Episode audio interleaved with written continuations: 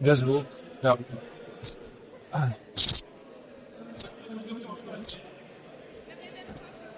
Ale že se děje, že jsou bylo nebudu. Skvělý.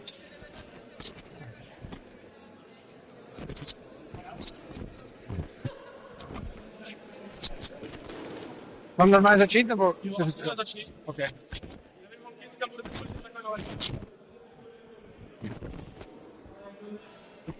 Jo. Můžu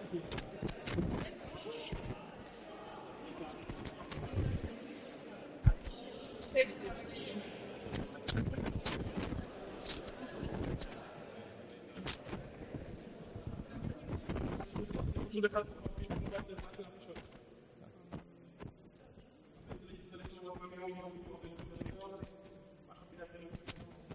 Já někdo obvykle baví a chceš to, to, to šanc, dáte na mě, a za to budete mít uvolnění hodiny.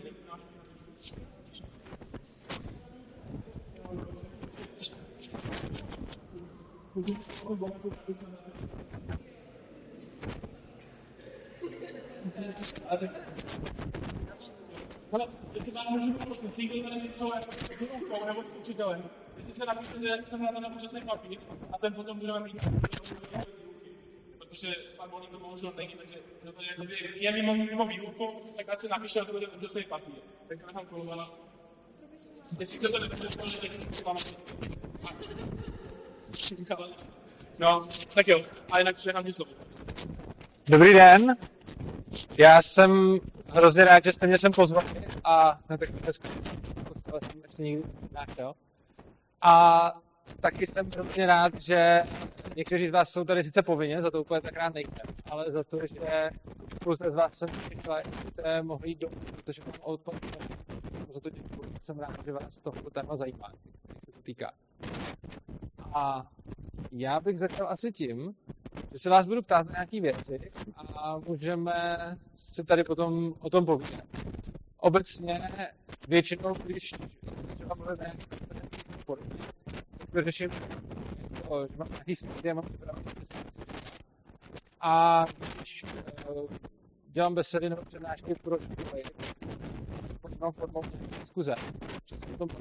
Znamená, že je tady vítáno, abyste se nejenom ptali, ale zejména, abyste vlastně, abyste eh, to jako říkali, jak máme, že budu určitě moc rád. Začnu tím, že se vás zeptám, uh, kolik z vás když jste monopol. Zkuste jenom zvednout ruku.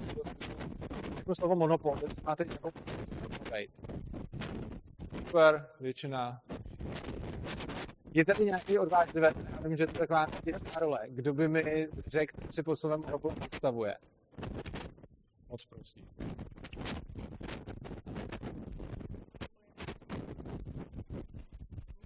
Skvělý. To je, to je správná odpověď. Uh, a ta deskovka je pojmenovaná podle něčeho. A napadá někoho, uh, napadá někoho jiný, než ta desková hra, ano?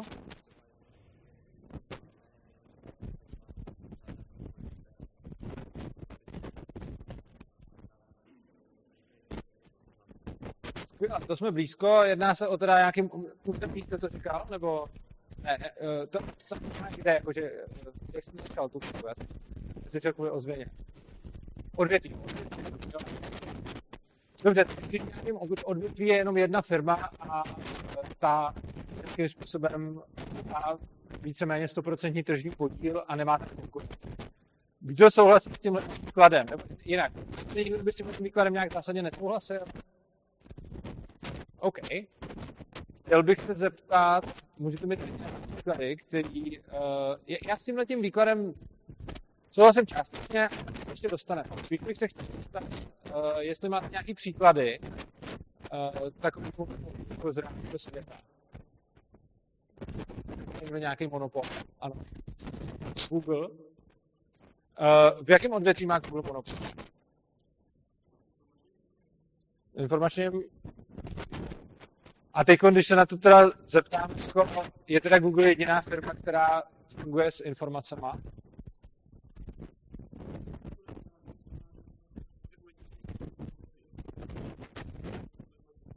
To je pravda. uh, je těžký Google konkurovat. Na tom se určitě shodneme, že to nej, největší vyhledávač má spoustu dalších služeb. Takže rozhodně konkurence, protože to nemá lehko. Na druhou stranu existuje nějaká konkurence Google. Je sice lokální konkurence, uh, což znamená, že a v Čechách je to vlastně úspěšná konkurence, jo? protože spousta lidí vyhledává na seznamu místo na Google, to je pravda. A takže jak na jednu stranu, kdo by řekl, že Google je monopol? Zvedněte ruku, kdo si to myslí, že Google je monopol? Nebojte se. OK, pár lidí. A zbytek si myslí, že to není monopol. Kdo si myslí, že to není monopol, abych zjistil, kolik lidí hraje vůbec? OK, tak je to tak půl na půl. Eh, vy, co si myslíte, někdo z vás, co si myslel, že Google je monopol, eh, proč si to myslíte, když má konkurenci? A skoro všichni souhlasili s tou definicí, kterou jsme tady říkali, že ta firma nemá konkurenci. Zajímá mě názor někoho, kdo souhlasil s tou definicí a zároveň si myslí, že Google je monopol. Zkuste, jako, není to nic jako, že byste něco řekli špatně, mě to jenom zajímá, prostě, jako, proč, ano? Ještě jednou? Že ty, jakby ty, ty ostatní, jakby firmy, které jsou menší,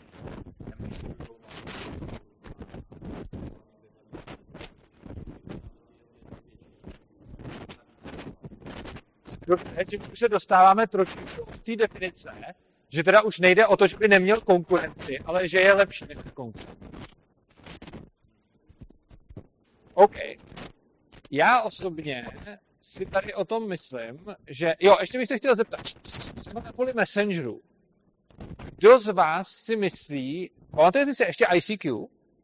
Nebo už jste na to moc mladý? A, OK. Tak než komunikovali přes Facebook Messenger, tak tady bylo ICQ.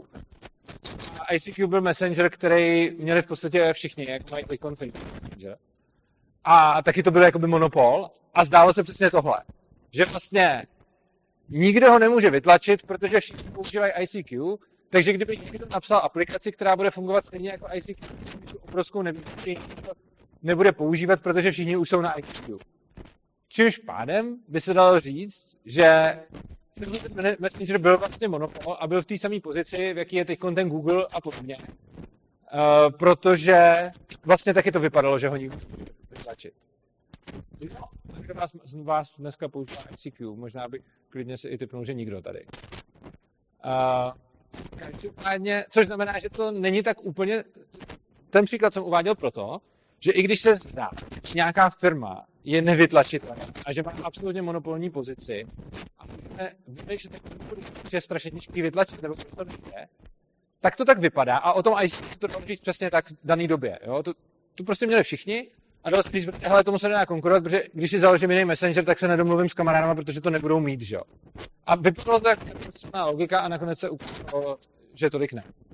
A teď i ten Facebook Messenger v poslední době dostává hodně konkurencí, že jo? Protože by mě zajímalo, za první, nemá Facebook Messenger, nikdo, co jsem tak čekal, a je tady někdo, kdo používá jen a pouze Facebook Messenger, což znamená, že nemáte žádný WhatsApp, žádný Telegram, žádný signál, jenom Facebook Messenger, že na tom komunikujete. Kolik lidí to tady má?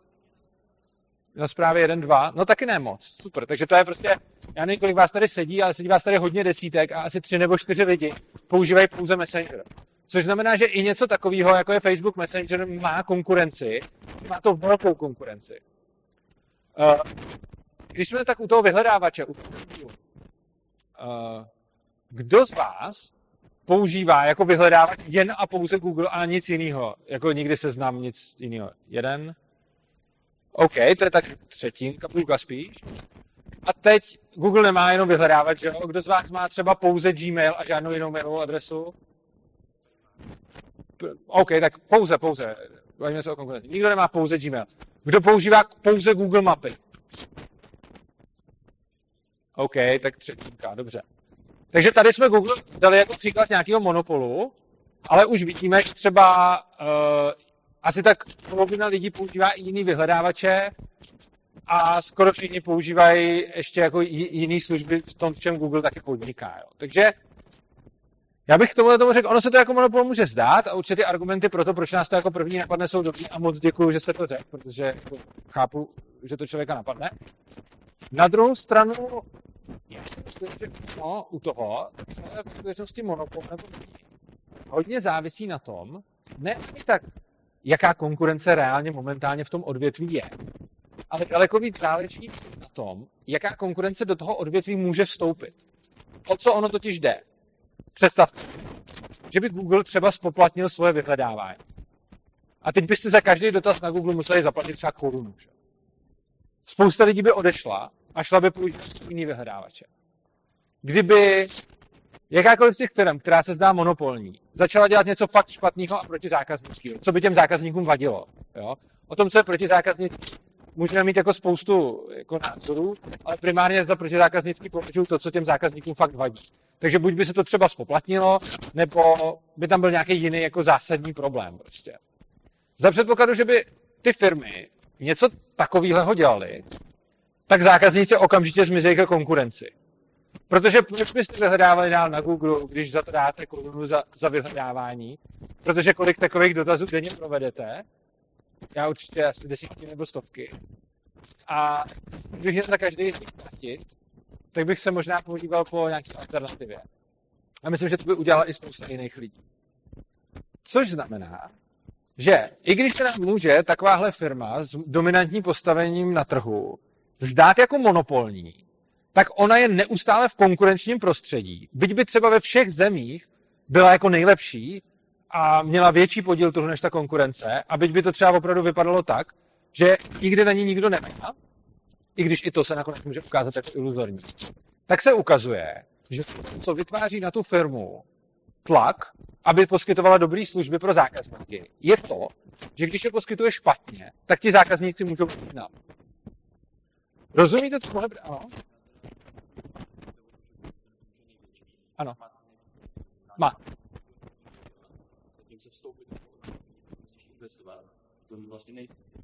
Já rozhodně nerozporuju to, že Google má tu pozici na trhu nejlepší a tím, že má nejvíc peněz, může dovolit i nejvíc reklamy a tím, že má a nejlepší servery a nejlepší všechno, což znamená, že když má nejvíc peněz, tak má určitě výhodu oproti těm konkurentům.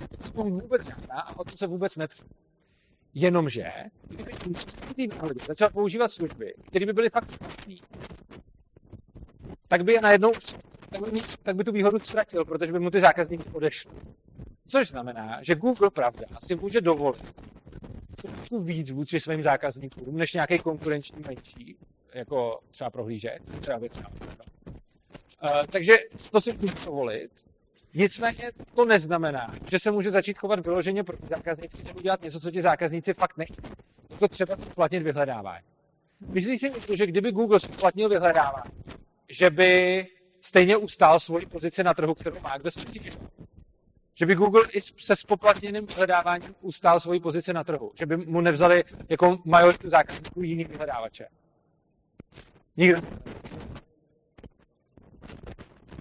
Samozřejmě. Ano, ale byl by to určitě na ceně, to je pravda, takže kdyby ta cena byla zanedbatelná, tak by o tolik zákazníků až nepřišel. Na druhou stranu spousta lidí to prostě z principu vůbec nechce platit a vůbec si tam nechce zadávat tu kreditku a prostě budou zadávat jinam a otevřou si třeba v Čekách ten seznam, anebo prostě jinde jakýkoliv prostě Bing nebo cokoliv. Což teda znamená, že minimálně Google má nějaké hranice, které ho drží v tom, aby si nemohl dělat úplně, co chce, a tyhle hranice jsou dané tím, že má konkurenci. Byť je to konkurence třeba jenom nějaká menší než je on, byť je to konkurence méně schopná, byť je to konkurence s méně zákazníkama, tak stejně. Dokonce i kdyby tu konkurenci momentálně neměl a neexistoval by žádný jiný vyhledávač než Google, stejně nemůže dovolit, protože kdyby tu službu poskytoval fakt blbě, tak by se potom mohlo stát, že ostatní lidi taky vyvinou svoje vyhledávače a budou mu konkurovat. Což znamená, že konkurence a konkurenční tlak není vytvářený tím, že jsme na trhu třeba dva, nebo tři, nebo čtyři, ale jsme na trhu, je vytvářený tím, a je, to je taky velký spora, ale je vytvářený tím, že tam je potenciál, že když já se začnu ke svým zákazníkům tak oni půjdou no? Tohle to je všem jasný. Nebo má někdo k tomu nějakou připomínku? Ne. Super. Uh, tohle to je nějaký takový globální zákon, který je to tržní, který znají ano.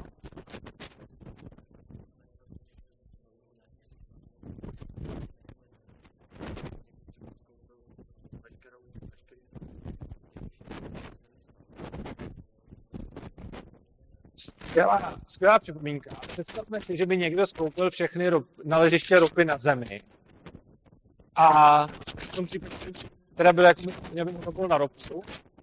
A co ono by se stalo? On by buď tu ropu, jako jedna věc je to strašně nepravděpodobný scénář, protože oni ty lidi, co vlastní ty naleziště, nejsou úplně hloupí, což znamená, že kdyby bylo najednou jasný, že někdo začíná je postupně skupovat, tak ty, kterým zbývá, si je o to spíš budou chtít nechat, protože budou očekávat, že tam ten bude chtít zvednout ceny, což znamená, že tam to pak hodně vydělá. Samozřejmě k tomu můžou přinutit silou, jenom je to nepravděpodobné. Je to podobné, jako kdyby třeba řekli, že někdo teda ovládne rovnou už celý svět, no, jako může to stát a některý lidi se o to v historii snažili, nebyli úspěšný, a jako jo, prostě, je tady ta možnost. Ale řekněme tu hypotézu, že by někdo skoupil všechny jako naleziště ropy, jak jste říkal. No, co ono by se stalo? By nechal zákazníkům nějakou takovou cenu, která bude. A nebo by ji strašně moc zvednul nahoru, což by bylo sice úplně špatný napřed, ale potom by ta ropa začala být nahrazovaná. Že? Čehokoliv se zvedne cena, tak se začínají nacházet alternativy. Jednou, když prostě cena na dopravu na jeden kilometr bude prostě, cena na dopravu autem na kilometr bude třeba 5 korun, to pár záleží na autě, ale prostě může 5 korun. Tak když najednou nějaký monopolista měl jako toho zvažil by tak by najednou mohla být cena na dopravu normálním autem jako dieselem benzínem ne 5 korun, ale prostě mohla by být najednou třeba 30 korun. A v momentě, kdy máte najednou cenu na dopravu 30 korun, tak se vám začne vyplácet hledat alternativy. Začne se vám vyplácet hledat auta, který jezdí na benzínu začne se vám vyplácet jezdit třeba vlakem. Nebo nic. Čím samozřejmě neříkám, že by to bylo jako v pohodě. Že by bylo ono, to, aby někdo skoupil všechny naležiště ropy, je nepravděpodobný i proto, že oni se pořád další nalejzají. Že? To je taková ta klasika, že už prostě asi, já nevím, 50 nebo kolik let, ještě víc než 50 let, no to už je víc, je neustále ten strašák, že dojde ropa. Že? Už asi 50 let, vždycky za 20 let dojde ropa. A proč se to děje? Děje se to proto, že vždycky v každou tu chvíli lidi se podívají, jaký jsou naležiště ropy, zjistí, že je jich X a řeknou, dobře, tak ta ropa dojde za 20 let. No a za 20 let sice tam těch nalezišť ta ropa třeba dojde, ale je objeveno spousta nových nalezišť, takže se zase podívá, kolik jich ještě zbývá a řekne se, a tak za 20 let zase dojde ropa prostě.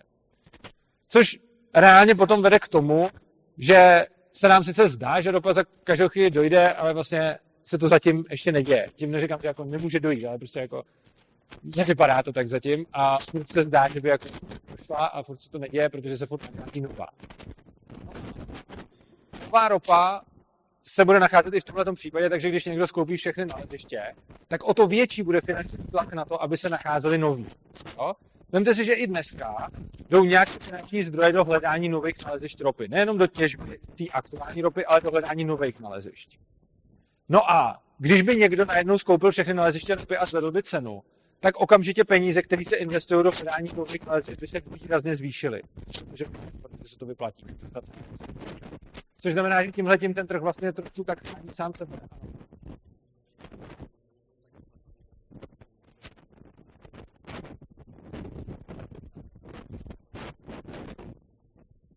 tak by byl bohatý a dával by uh, hodně peněz za hledání nový ropy a lidi by taky dával hledání, jako spoustu peněz. Jo, jakože Takhle, pokud, jako dobozu jsme kalkulovali to, uh, jako skoupil všechny národní na světě, což už mi přijde velice nepravděpodobný, ale ještě jako to byla hypotéza, s kterou jsem jako byl nějak ochotný jako pracovat.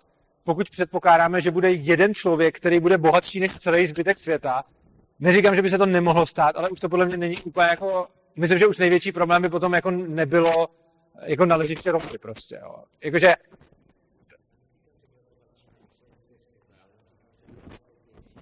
víc jako platit za, za, za hledání. Ale ta ochota se přece mění v závislosti na té ceně.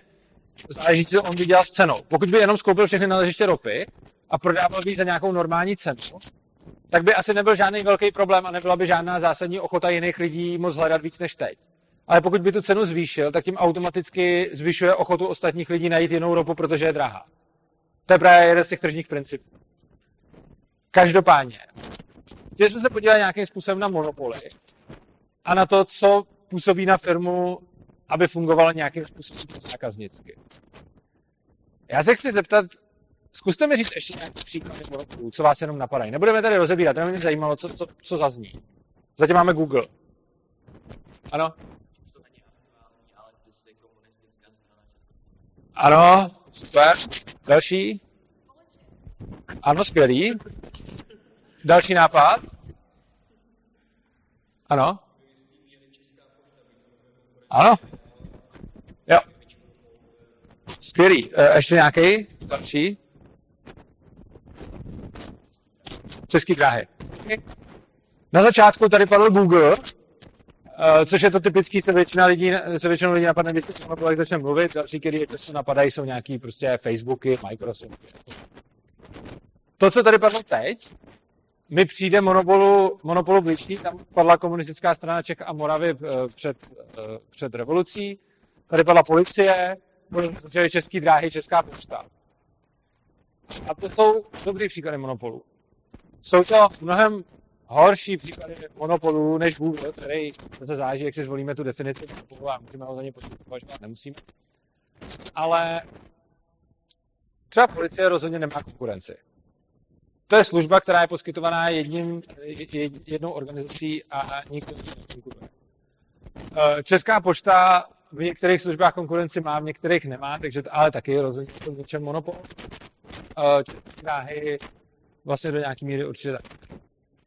A to, co je v naší společnosti skutečně monopolizovaný, je školství, soudnictví, policie, zdravotnictví. Tohle jsou skutečně monopolní služby. Ty nejhůř monopolní, jaký se lze představit, protože vy si můžete říct, dobře, tak vznikají nějaký soukromí školy. A je to pravda, vznikají, ale pouze s povolením ministerstva, ministerstva školství. Ministerstvo školství má monopol na to, kdo smí a nesmí provozovat školu. Vy, když si chcete založit školu soukromou, tak musíte jít na ministerstvo a ono vám to musí schválit.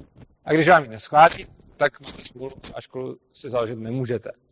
Takže tam to dokonce není tak, že by někdo poskytoval služby tak dobře, nebo měl takový rozsah, nebo tolik peněz, že by si ho ty zákazníci vybrali oproti jeho konkurenci.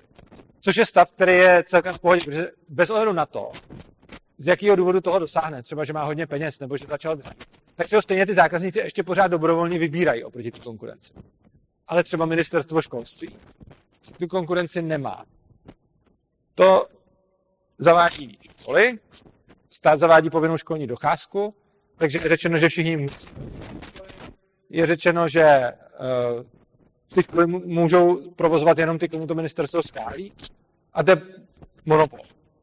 Podobně jako zazněla ta monopol eh, na tu českou, eh, na ty komunisty před rokem 89, tak to byl taky monopol, ale ono je to velice podobné. Ono dneska sice nemá monopol žádná jedna politická strana, ale má monopol vlastně ten stát, ta vláda. Jo. I když se tam mění ty lidi, tak ale jakoby pořád má monopolní postavení třeba v tom, eh, že provozuje tu policii, že tu ty nikdo konkurovat nesmí že provozuje soudní systém, že provozuje to zdravotnictví, školství. Teď máme třeba nějaký soukromý nemocnice, zase ty soukromý nemocnice musí být schvalovaný a musí podléhat ta legislativě a těm regulacím. No a problém v tomhle je právě v tom, že neexistuje konkurence, která by nutila dotyčný, aby se chovali nějakým způsobem pro zákaznicky. A i když se k zákazníkům budou chovat hrozně, tak je to jedno, protože oni stejně nemají kam jinam jít, protože je to všechno, eh, všechno to patří té jedné instituci. Teď, eh, kdo si myslí, že je to vlastně jako v pořádku? Kdo si myslí, že v případě státu je v pořádku, aby měl monopoly v nějakých odvětví? Zvedněte ruce.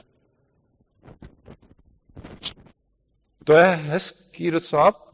Dobře, tak ještě zkusím, jestli někdo nehraje. Zvedněte, kdo si myslí, čili kdo si myslí, že je špatně, aby měl stát jakýkoliv monopol. OK, takže dobrý, takže to je, to je čtvrtina lidí nehraje, čtvrtina lidí si myslí, že stát by neměl mít monopol a třeba polovina myslí, že stát by měl mít monopoly. Super. To, když mluvím o anarchokapitalismu, což je možná to, co se názvu přednášky, tak když bych tak popsal, co chtějí anarchokapitalisti, tak anarchokapitalisti chtějí, aby stát prostě monopoly ve službách, který poskytuje. A aby mu mohl kdokoliv konkurovat. A tohle je víceméně jako všechno. Z toho potom plyne všechno dál. Takže když se řekne anarchokapitalismus, tak velice často se určitě vybaví nějaký hodně extrémní názor, to je něco strašně radikálního. Do jistý míry to možná radikální je, ale v podstatě je to radikální názor, který říká, nechci tady monopoly. A ani stát by neměl mít monopolní postavení v ničem. Tak. A teď.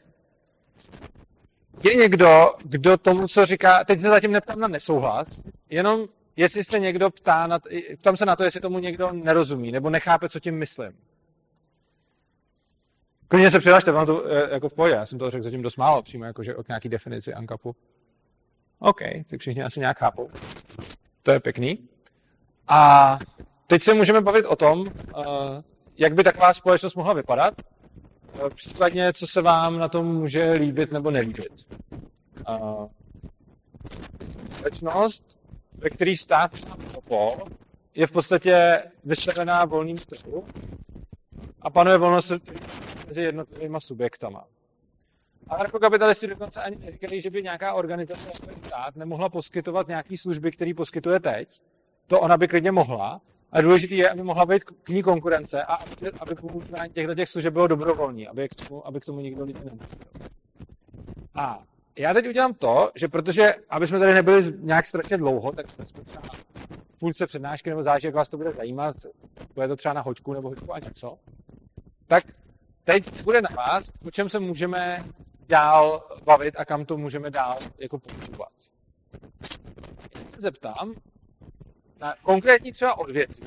Zaprvé, jestli máte nějaký takový společnosti, kde by stát neměl konkurenci, Jinými slovy, stát by vlastně potom nebyl státem. Stát by byl dalším subjektem, jako jsou všechny ostatní firmy na volném trhu. A nebo pokud máte přímo nějaký konkrétní, nějaký, konkré, nějaký konkrétní odvětví, o kterém si myslíte, že tam potřebuje mít stát monopol a hlásila se vás asi půlka, tak mi můžete říct. Já tady seberu nějaký názory a potom se rozhodneme, o kterém z nich se chceme bavit. Takže můžete se hlásit a říkat mi to, o čem se chcete bavit. Třeba jako, jestli vás zajímá prostě, že máte stát zrovna třeba v tom školství, to by vás mohlo zajímat, když, když jako jste zatížení většinou povinnou školní docházkou a podobně, tak je to na vás. Tak se zkuste přihlásit, kdo by něco chtěl slyšet, ano? Policie a legislativa, to je takový nejsložitější a samozřejmě jako nejtypičtější téma. Mimochodem, je to skvělá otázka, protože eh, často, když člověk řekne jako společnost řízená volným trhem a bez státu, tak mám takovou zkušenost, že jsou většinou dvě věci, o kterých se lidi chtějí bavit. První, když se na tím tolik nezamýšlejí, tak se zeptají, kdo by stavil silnice. A druhá, když se na tím, a druhá, když se nad tím hodně zamýšlejí, tak právě se zeptají na policii a legislativu. Ano. Soudy, jasně. Ano. Silnice, dobře. To je dobrá obecná otázka.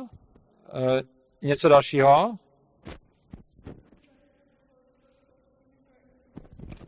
Školství. Dobře. Tak jo. Uh, ano? Tak to by se asi stala. Stát by byl potom korporace, ale já úplně upřímně si nemyslím. Víte, to je hrozně zajímavá věc. Otázka byla, jak zajistit, aby se ze státu nestala jenom korporace.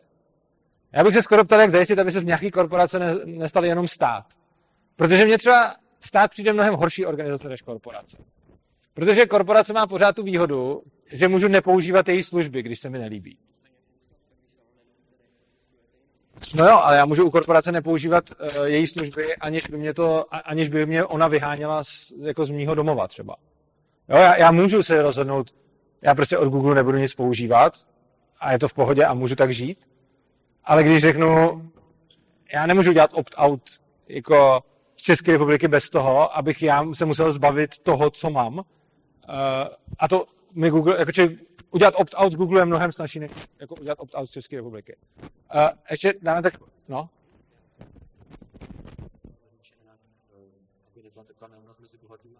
aby třeba ty služby jako, tak bychom se jako postarali o takový ty postižený OK, jo, to je sociálně, ano, co třeba zdravotnictví, jak by se kontrolovalo zdravotnictví, Dobře. jak by se za, jak by se za, aby, aby se nějak bylo třeba v Praze, nebo takovýhle věci, by se cvičilo. OK, máme tady už několik témat, já mám ještě poslední a potom je, no, Jo, tohle to, to pořád patří do toho soudnictví. Máme tady několik, jako, eh, máme tady několik názorových jako bodů a já se budu ptát, kdo o tom, o čem chce slyšet. Máme tady, jenom abych to skrnul, uh, legislativu a policii a soudnictví, potom tady máme školství, máme tady zdravotnictví a pak tady bylo ještě, jo, eh, sociální systém a pak tady byla nějaká ta obecná otázka, ta byla na co? Zabrání těch monopolů, OK. Uh, jo, a teď jako, jenom dopředu, co? To je ten sociální, eh, jako sociální systém, jsem to to shrnul. Sociální systém je nějakou rovnováhu mezi bohatým a chudým. A teď jenom řeknu jednu věc k tomu. Eh, Pokud se dáme do toho tématu legislativa a soudnictví, tak jsem si docela jist, že můžu garantovat, že se nikam dál už nedostaneme, jako ze zkušenosti. Ale samozřejmě, pokud si to vyberete, tak to můžeme udělat. Nicméně je to docela častá otázka a koho to zajímá, tak si to může najít na YouTube kanálu, kde už takovýchhle diskuzí je. Takže a ty ostatní témata možná stihneme i dvě. Takže se zeptám, kdo chce diskutovat o školství? OK, odhadem tak polovina. Kdo chce diskutovat o zdravotnictví? To je míň. Kdo chce diskutovat o uh, sociálních poměrech rovnosti a nerovnosti mezi bohatýma a chudejma? To je zatím asi nejvíc. Eh, Kdo chce diskutovat o tom, jak zajistit, aby na trhu nevznikly monopoly? To je zatím nejmíň. A poslední je to soudnictví a legislativa a policie. Kdo chce diskutovat? To je tak. OK, tak uděláme to tak, že začneme tím, eh, těma nerovnostma mezi bohatýma a chudejma. To je asi téma, o který tady je, vypadá eh, největší zájem. A potom, když to vyjde, tak stihneme i to školství, protože to bylo největší zájem, kromě té justice, kterou bychom už nestihli s dalším tématem. Takže ten dotaz zněl, jak by v takové společnosti byla nějaká rovnost a nerovnost mezi bohatýma a chudejma. Uh, chci se zeptat, jako ještě dál k tomu, jestli, jestli něco jako dalšího k tomuhle tomu máte, jakože nějaký konkrétní dotazy na ten, jako na ten sociální smír a podobně. Ano.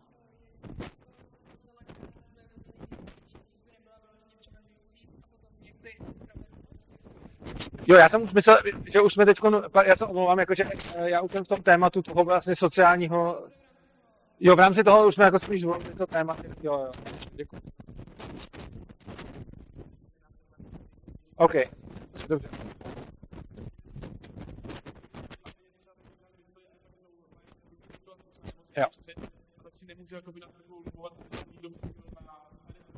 Dobře. Takže dneska tady panuje představa, do jistý míry i nějaká praxe, že stát se nějak stará o chudí. Eh, Kdo si myslí, že chudí lidi by se bez státu měli hůř, než se mají se státem? Ruku nahoru. OK, většina. A teď mě zajímá jenom, kdo nehraje. Kdo si myslí, že chudí lidi by se bez státu měli líp? OK, dost málo, jo, fajn. Tak. Uh, stát má skvěle vybudovaný PR na tom, že se stará o chudý a dělá to dobře v tom smyslu, že je to hrozně moc vidět. Což znamená, někdo je chudej, jde a stát mu dá peníze. To je takový hezký systém, taková, pěk, taková pěkná jako reklama, která vypadá potom jako, co by ty chudí bez toho státu jako teda dělali, když by jim ten stát peníze nedával. Jenomže. Zase to je trošku komplikovanější a je dobrý se podívat na to, proč jsou vlastně ti chudí lidi chudí. A jestli stát náhodou tu jejich chudobu trochu nezapřičinuje. Konkrétně. Dneska máme zákonník práce, který strašně moc ochraňuje zaměstnance. A ochraňuje před zaměstnavateli a dalo by se říct jako super, tak to je pro ty zaměstnance dobrý. Já bych se chtěl zeptat. Já vám řeknu jednu věc. Jak krom toho, že přednáším o anarchokapitalismu a podobně, tak jsem dřív taky pracoval jako programátor. A programátoři a obecně lidi v IT mají strašně zajímavou pozici na trhu práce, která vypadá tak, že ty zaměstnanci tam mají dost velkou výhodu nad zaměstnavatelema. Jinými slovy, když jsem programátor, tak dostanu hrozně moc peněz a takové pracovní podmínky, jaký si řeknu, Uh, protože je prostě dají. A někde jinde to takhle není, jako v jiných profesích. Kdo má důvod, aby si to zmínil, proč to takhle je?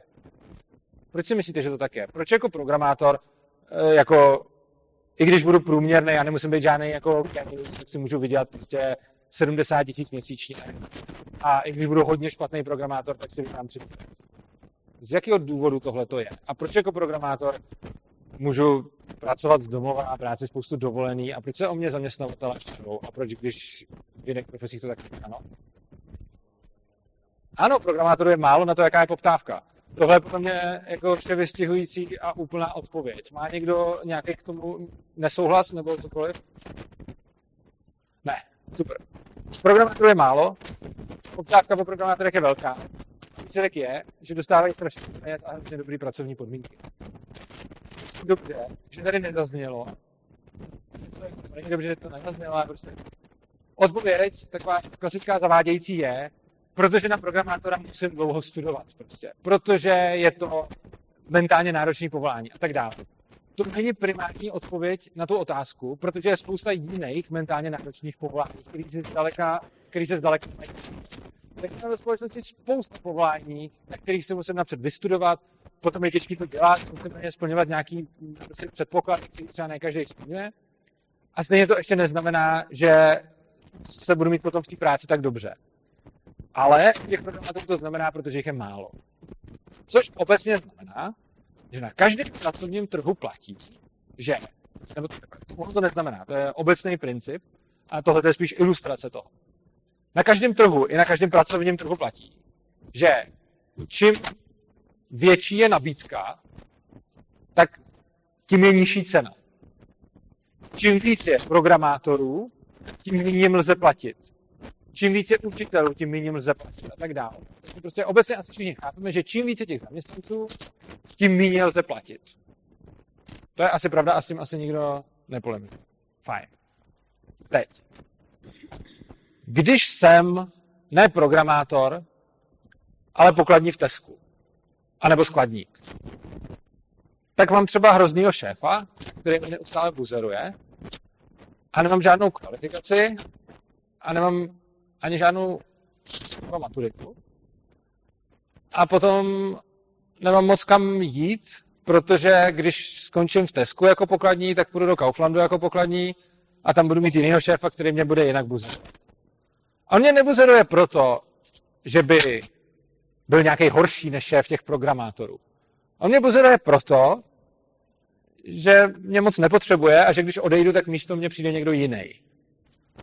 A šéfové programátorů, programátory tolik nebuzerují, protože nechtějí, aby jim odcházeli.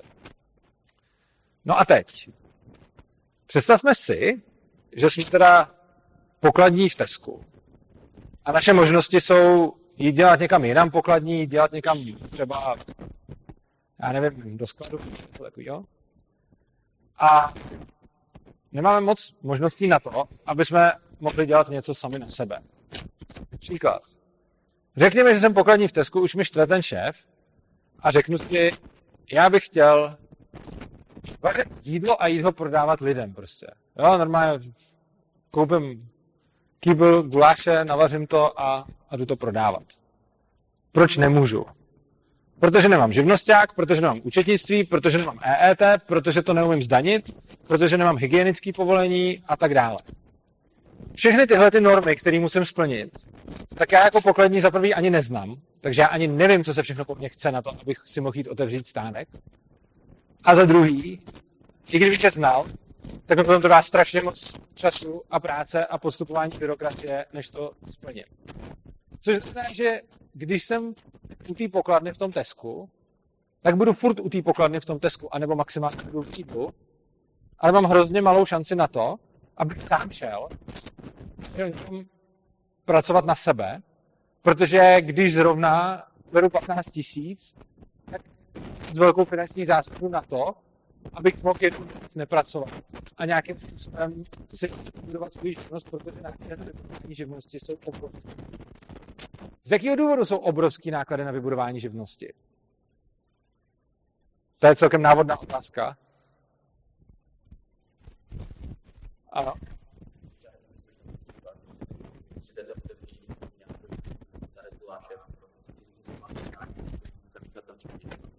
A co v tom zabrání tomu, kdo ten stánek provozuje dneska? No, aspoň, aspoň něco, aspoň ve formě tý, jakoby, prostě ty pravidla, které musíte dodržet, když je tam určitá. Když jsem člověk, který chce do sypat špet, ne, ne, já to nezesměšňuju, já, já, já odpovídám. Když jsem člověk, který chce do guláše sypat jet a zabíjet lidi, tak to poslední, co mě na tom bude asi zajímat, je, že nesplňuju hygienické normy. Ne, já to, já to nemyslím vůbec jako by, já, já to nemyslím jako, jako nesměšňující odpověď, jo. Ano, čím se dostáváme k té policii a znova představme si, je, je to zase, bylo by to na hrozný Představme si, že i ve volnotržním prostředí by mohla fungovat uh, jako bezpečnostní služba. To fungovala tak, že když někoho zabijete, tak vám to neprojde. Což znamená, že když byste nasypali do guláše, uh, tak vás uh, prostě chytí. Přičemž, přičemž ono je důležité si uvědomit, že i dneska můžete nasypat do guláše a v tom vám hygiena jako nezabrání, protože jak často vám přijde hygienická kontrola, no skoro nikdy. Ale zabrání vám tom to, že se třeba můžete bát trestu, když teda pomineme to, že většina lidí nechce úplně jako trávit jiný lidi. Nicméně, já tady mám nějaký stát, nějakou organizaci, která staví obrovské překážky těm začínajícím podnikatelům a živnostníkům, kteří chtějí pracovat na sebe. Řekněme, že i kdybychom pominuli hygienické normy, tak už těžko obhájitelný to EET a všechny ty další věci, které jsou vyložené jako No a teď si můžu představit situaci, že tyhle ty normy tady nebyly, což znamená, že by nebylo třeba je splňovat. A spousta pokladních z Teska a z Alberta by si mohli jít založit tenhle ten svůj stánek. A nejenom to, by tady nebyl ještě ani zákonník práce, což znamená, že to, kdyby vzali svoji kolegyni z toho Alberta na to, aby tam pro ně pracovala, by probíhalo asi tak, že by se dohodli, že spolu budou pracovat, ona by dostávala zaplaceno a tím by to bylo celý hotovo. Zaměstnávat dneska někoho, to je ještě mnohem lepší, než jako založit stánek. To, jako,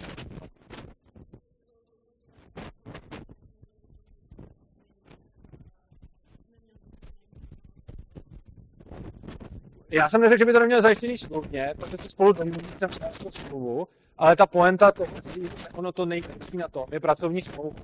To je asi tak ten nejmenší problém, uzavřít pracovní smlouvu. Ten větší problém je, že já když chci někoho zaměstnávat, tak se musím zaregistrovat na sociálku, musím za ně, musím za ně odvádět sociální, zdravotní a tak dále. A vůbec někoho zaměstnávat je obrovský průser z toho důvodu, že ho potom za první nemůžu moc ani vyhodit, když to potřebuju, a za druhý musím splňovat strašně moc jako norem, jenom na to, abych toho člověka mohl zaměstnat.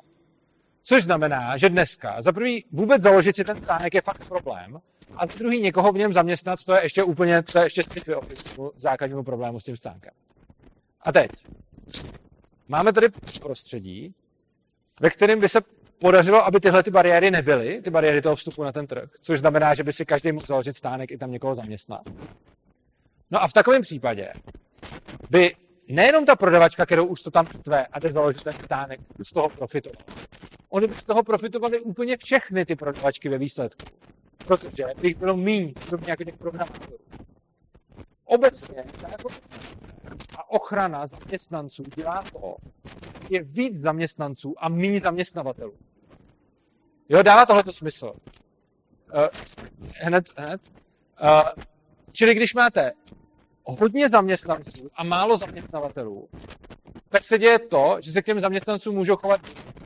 Když máte málo zaměstnanců a hodně zaměstnavatelů, tak v takovém případě se mění ty podmínky, za kterých fungují a nastává situace, která se více podobá trhu s programátory. Samozřejmě tím netvrdím, potom jakoby uh, trh pokladních by se trhu programátorů, protože tam už zase je pravda, že ten programátor na to potřebuje mít nějakou kvalifikaci, tak je mnohem menší, což znamená, že jakoby, nabídka těch pokladních bude asi větší než programátorů, ale bude menší než teď. To znamená, že jim to potom může i pomoct. Ano.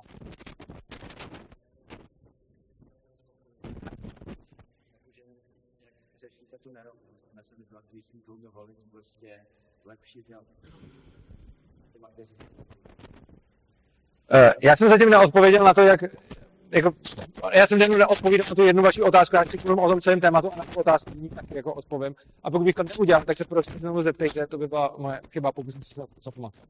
Ale jako to, uh, v tom případě tady máme spoustu věcí, kterýma stát činí chudý ještě chudšíma a kterýma právě ty chudí na ty státní regulace doplácejí nejvíc.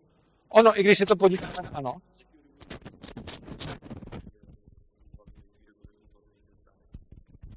No, protože jsou takový zákony, protože je taková legislativa.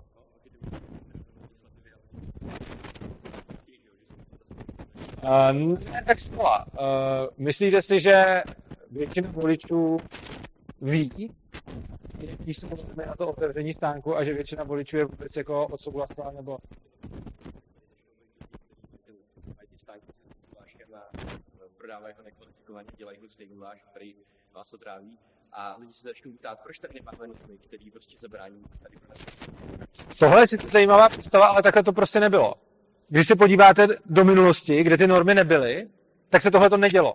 Nebylo to tak, že by to všichni prodávali špatně a pak by přišly ty normy v toho, že se prodávalo skvělé jídlo, pak by přišly normy a ono by se stalo prodávat skvělé jídlo. Nic takového prostě jako moc neexistuje. Ono to je tak, že prostě i dřív, i teď většina lidí, co poskytovala nějakou službu, se snažila ji poskytovat nějak tak vesměs dobře. A samozřejmě to někde nevyšlo, nebo to někdo chtěl nějakým způsobem obsluhovat. Což znamená, že potom samozřejmě se i teď, i dřív, i, i bez norem někdy stanou jako průšvihy. Já vůbec hlavně nejsem zastáncem toho, aby jako neexistovalo vůbec žádná norma. Jenom tvrdím, že nemusí být jedna plošně vynucovaná pro všechny, ale že i ty normy můžou být různý a že stejně jako dáváte certifikáty kvality jako čemukoliv, tak můžete dávat i třeba nějakému stánku s potravinama a ty certifikáty můžou být různý na různý jako levely a každý zákazník si vybere jako to vlastně potřebuje. Ano.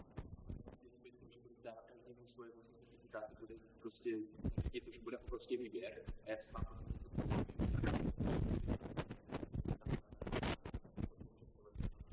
A jak se dneska volič vyzná té celé nabídce zákonu, který podává každá strana? No, ten problém je, že dneska máte systém, kdy vám to nastavuje to, že uděláte nějaké volby, tak potom z nich vypadnou ty normy, kterými se musíte řídit. Ale nikdo není dostatečně kvalifikovaný na to, aby dokázal dohlídnout důsledky těch voleb. Na volném trhu, když těch certifikátů budete mít víc, tak se aspoň můžete starat o to, co je vám blízký a na čem vám záleží. Což znamená, že když vy třeba budete mít jako hodně, když třeba budete jako hodně pedant na jako čistotu a zdravou stravu a podobně, tak si můžete v tomhle oboru hledat takové restaurace a takové podniky, které splňují vaše jako vysoký, jako vaše vysoké standardy a třeba si na nějaký úplně jiný obor. A tam, kde se o to zajímáte, tak tam si tím můžete jakoby polepšit. Oproti tomu v naší dnešní demokratické společnosti je ten problém, že vy i když se budete zajímat o, jed, jako o jeden obor a vyberete si tu politickou stranu, která vám třeba dá to, co chcete, tak ale je tady spousta dalších lidí, která vám na ten obor kašle a zajímají se o jiné věci a klidně vás přehlasujou. Což znamená, že je pravda, že nikdy v žádné společnosti nemůže každý rozumět všemu. Což znamená, že nikdo se nebude moct vždycky rozhodnout o všem nejlíp, jak jenom může. To je dáno složitostí našeho světa a jako lidskou kapacitou vstřebávání informací. Nicméně to, že něco takového je komplikovaný, není důvod k tomu, aby jsme absolutně rezignovali na to, aby si člověk sám vybíral a bylo to všechno nastaveno za něj nějak plošně. Ale naopak je to pro mě spíš důvod k tomu, aby si člověk mohl vybírat, přičemž v oborech, na kterých mu, nebo v odvětvích, na kterých mu na tom hodně záleží, si vybere dobře, v odvětvích, na kterých mu na tom nezáleží, si prostě vybere špatně. To je stejné jako dneska, když si kupujete auto, ne každý se vyzná v autech prostě. A t- taky je to prostě č- často sázka do loterie. Ale je jako fajn, že ty auta nemají jako jednoho jediného výrobce, který by musel garantovat stejnou kvalitu všem, protože teď aspoň ten, kdo se o ty auta zajímá, si to auto vybere dobře a ten, kdo se nezajímá, no tak si vybere asi třeba špatně nebo bude mít štěstí. Nebo tak. Nemusíte. No uh, vy můžete mít samozřejmě, jakože dneska už zejména, je to strašně jednoduché, vy můžete mít něco takového na webu a můžete to mít elektronicky podepsaný. Což znamená, že jako certifikát z dalekém platka, ve smyslu, jako, že vylepíte samolepku na dveře, i jako taky můžete, jako proč ne. Ale rozhodně můžete mít přímo web, eh, na kterým ta eh, certifikační autorita, která kontroluje třeba ty provozovny, bude mít vystavený a bude to mít elektronicky podepsaný, což znamená, že oni to ne, nebo fejkujou. Jo. No, tak to je úplně stejný, co když dneska bude fake jako hygienická kontrola, co když ji dneska podplatíte, prostě co když, Ale jako neřeší to vlastně to úplně celá věc. jako Neřeší to náš vlastní problém. No ten ale neřešíte ani, ten nemáte vyřešený ani dneska, protože i dneska můžete tu hygienickou kontrolu jako podplatit. Rozhodně to, co tady představuju, není systém, který by byl stoprocentně odolný proti podvodu, eh, proti nějakému fejkování nebo proti prostě takovým věcem. To jako, takový systém ani neexistuje. Prostě máte nějakou míru jako důvěryhodnosti a mimo jiné ta certifikační autorita má ten rozdíl oproti hygieně. Zatímco stát má nějakou hygienu, nějaký hygienické normy a když se zjistí, že to bylo uplácený, tak si všichni řeknou, no tak to jsou hrozný, ty, co se nechali uplácet, vyhodí je a jede dál. Taková certifikační autorita, která by měla úplatný kontrolery, kdyby se na to přišlo, tak celá ta firma prostě jde do háje, protože vůbec proč může dělat to, co dělá, autorita, celý stojí na její reputaci. Což znamená, že pokud by firma, která se živí tím, že certifikuje nebo dělá kontroly, se zjistilo, že je úplatná nebo že dává fake certifikát, tak tím pádem přijde o svoji reputaci a tím pádem jakoby ztratí svoje, ztratí svoje uplatnění. Každopádně, každopádně uh, k těm, k těm, ano, certifikačních autorit nebo takových autorit, kteří říkají prostě, já vám řeknu, kdo to dělá dobře, kdo to dělá špatně, eh, tak zase je tam těchto autorit a člověk se nevyzná v tom, komu může věřit takhle. Na to jsem tady odpovídal. Mimochodem, tak asi nestihneme už další téma, ale jako aspoň probereme tohle. A je to zajímavé. Není to ten samý, je, je, jako, samozřejmě víc certifikačních autorit v jednom oboru a ty se můžou protiřečit a vy potom nevíte. Na druhou stranu, zase záleží na vás, co jste za člověka. Buď vám fakt jde o to, abyste šel do restaurace, kde prostě máte jistotu, že to tam bude úplně vypolírovaný. A potom taková restaurace, která bude mít od některých certifikačních autorit ano a od některých ne, tak tam nepůjdete. A půjdete jenom do těch, který mají všude ano prostě. A zároveň, pokud jste takovýhle člověk, který mu na tom hodně záleží, tak se asi hodně budete zajímat o to, co za certifikační autority to je, jakým způsobem postupují. A oni sami se vám budou snažit víc říct v tom, aby našli své uplatnění. Že? Takže prostě potom to můžeme jakoby jako teď můžeme fantazírovat, jak to udělat, jo, ale úplně se umím představit třeba, jako, že ta autorita, ta certifikační autorita udělá i jako video z toho, jak šli do té restaurace a co tam viděli v té kuchyni třeba. Jo. Já nevím, neříkám, že takhle to bude, ale prostě je spousta možností. Má to, to jako dneska, když někdo chce prostě se svým zákazníkům zavděčit, tak dělá hodně pro to, aby se zavděčil. Každopádně, tenhle ten princip, kdy vlastně stát napřed těm bohatým, těm chudým často brání v tom, aby zbohatli, a daleko jednodušeji se to dá, eh, daleko jednodušeji se to dá třeba ukázat na tom, kde regulace představují jako reálný problém. Když jste malá firma, tak pro vás regulace jsou v podstatě jen protože vy, vy nemáte žádnou, jako, vy nemáte žádný jako způsob, jak ovlivnit tu tvorbu těch regulací. Nikdo se vás na nic neptá a dopadá na vás nějaký zákony, kterým musíte jako vyhovět. Oproti tomu, když jste ta velká korporace, jak se tady někdo ptal na, jak se tady někdo ptal na korporaci, tak když jste ta velká korporace, tak za prvé, vy sami kolikrát se podílíte na tvorbě zákonů. A to buď jako tou špatnou cestou, jak, jakože prostě máte, něko, že máte zaplacený nějaký politiky a nějakým způsobem se snažíte ten zákon procpat, což se jako rozhodně děje, a jako můžeme říct, OK, to je špatný, no, tak jo.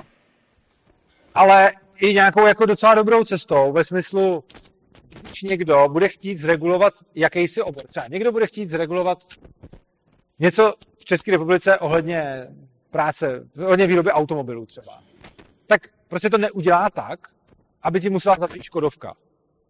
Jo? Prostě to si nikdo netroufne. Což znamená, že i když já jsem úředník, který chce zregulovat nějaký obor, tak než to udělám, když to, jako, řekněme, že jsem, když bych byl úplatný úředník, tak je to jasný. Tak prostě e, někdo si mě koupí a já dávám taky regulace, abych pomohl těm korporacím proti těm malým firmám. Ale když jako jsem fakt dobrý úředník a myslím to jako fakt ze všema dobře, tak si řeknu, dobře, musím tu regulaci udělat tak, abych jako co nejméně lidem jako znepříjemnil život, tak se půjdu podívat do těch velkých výrob, jak to tam dělají, ale samozřejmě se nepůjdu podívat do každé garážové firmy. Což znamená, že moje regulace, kterou udělám, dopadne mnohem hůř na ty malé než na ty velký. A nemluvě o tom, není to jenom vznikem těch regulací, je to potom i co s nima.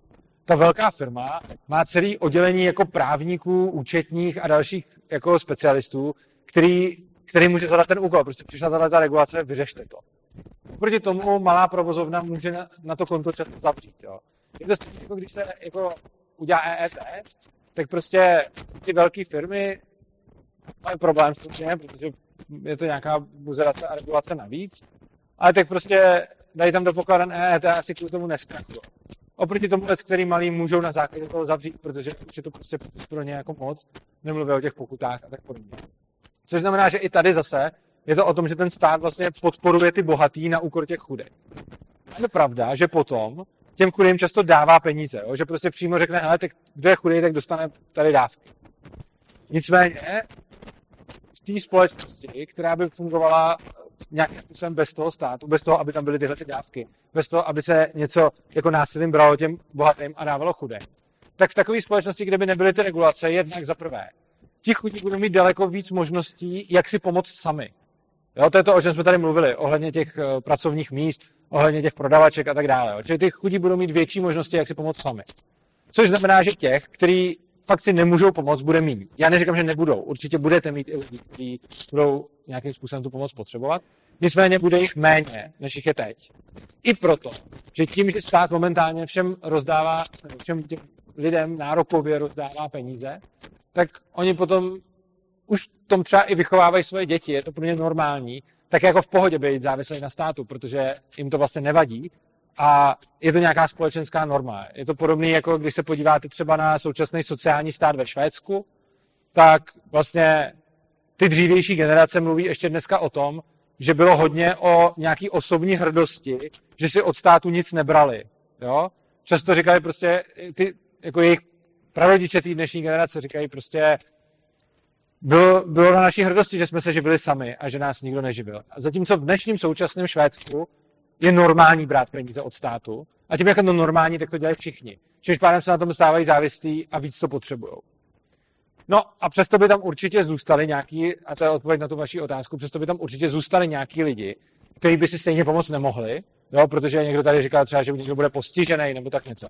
Já už budu za chvilku končit, už máme tu hodinu, takže že někdo bude postižený nebo tak něco.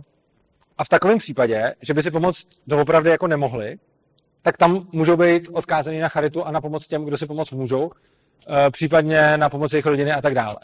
Důležitější na tom je, že eh, těch lidí, kteří tu pomoc budou potřebovat, bude výrazně méně než teď. A to jednak z toho důvodu těch umělých legislativních bariér, o kterých jsem tady mluvil, ale taky z toho důvodu té závislosti na státu. Eh, dneska, tím, že stát neustále podporuje nějakým způsobem lidi, kteří udělali špatné rozhodnutí nebo, nebo se chovali nezodpovědně, tak těchto těch lidí přibývá, protože cena zachování se nezodpovědně je prostě nižší tím, že tyhle ty lidi jsou podporovaný.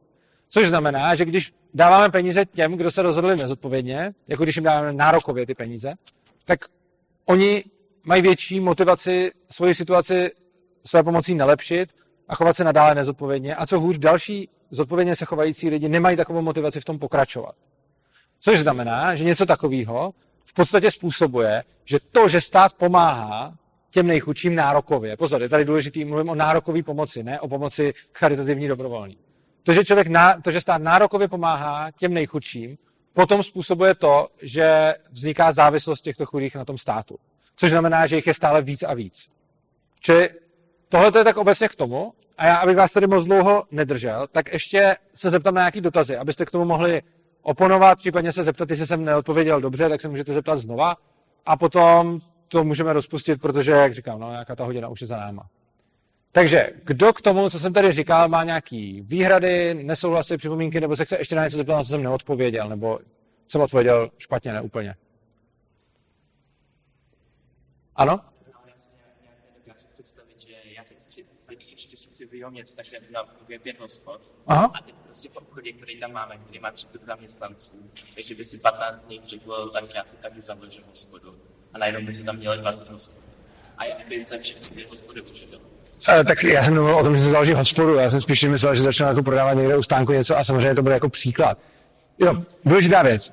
Rozhodně to, co jsem tady říkal, byla jako modelová situace a do, rozhodně tady netvrdím, že prostě řešením pracovního trhu je, že prodavačky z, Tesku, z Teska si udělají stánky s gulášem. Jo, to, také jsem to nemyslel.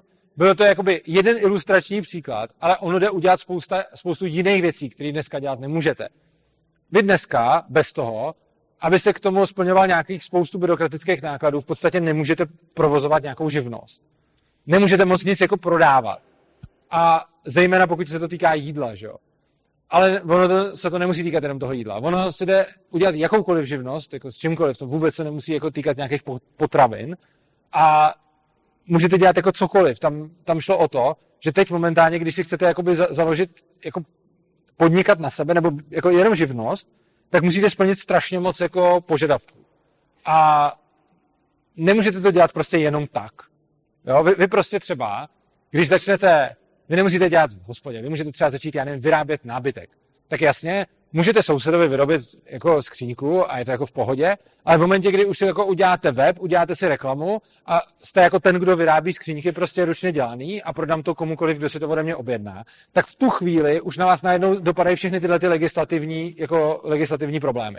Takže zrovna v tom 40 městě, když by se někdo rozhodl, že bude prostě truhlářem, jako, tak tam má trošku problém, protože to prodá sousedům, ale když by si potom chtěl udělat e-shop a prodávat to někam dál, ještě za hranice toho města, tak tam už je trošku problém.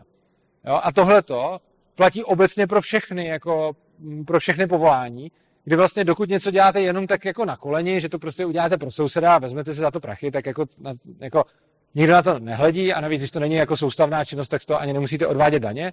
Ale v momentě, kdy to chcete dělat, jako, že se tím chcete jako fakt živit, no tak tam na vás dopadne najednou tolik jako legislativního balastu, že s tím většina lidí má vůbec problém se vypořádat, zejména těch níže kvalifikovaných, a tady mluvím zejména o těch chudých, o těch nevzdělaných a tak dále. Jo? Čili jako člověk, který stejně už je jako bohatý a ví, jak to na světě chodí a má prostě hodně zkušeností a už třeba podnikal a tak dále, tak takový člověk, ten s tím nemá moc problém, protože ví přibližně, co udělat.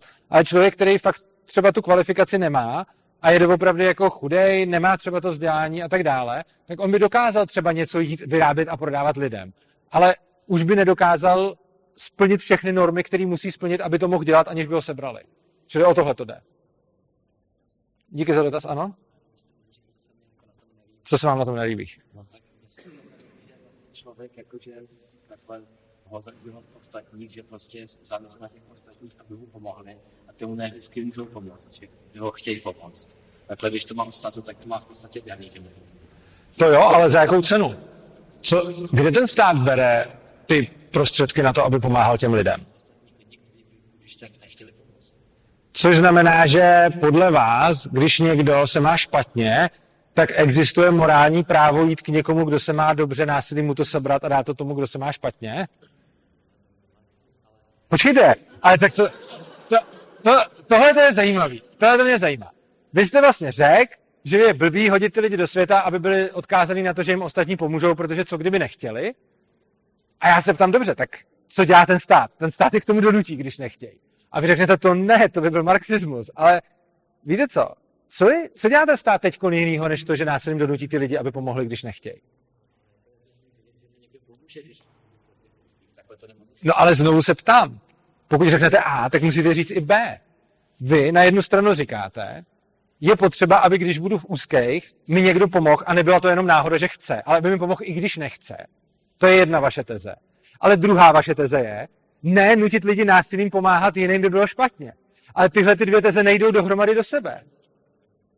Takže, to, což je hrozně zajímavý, protože strašně moc lidí, kteří hájí to, aby byla povinnost pomáhat, i bez ohledu na to, jestli ty lidi chtějí nebo nechtějí, tak si neuvědomujou, a u vás to byl fakt krásný příklad, ale to se nebojte, takových lidí je strašně moc prostě, který si neuvědomují tu druhou stranu té mince.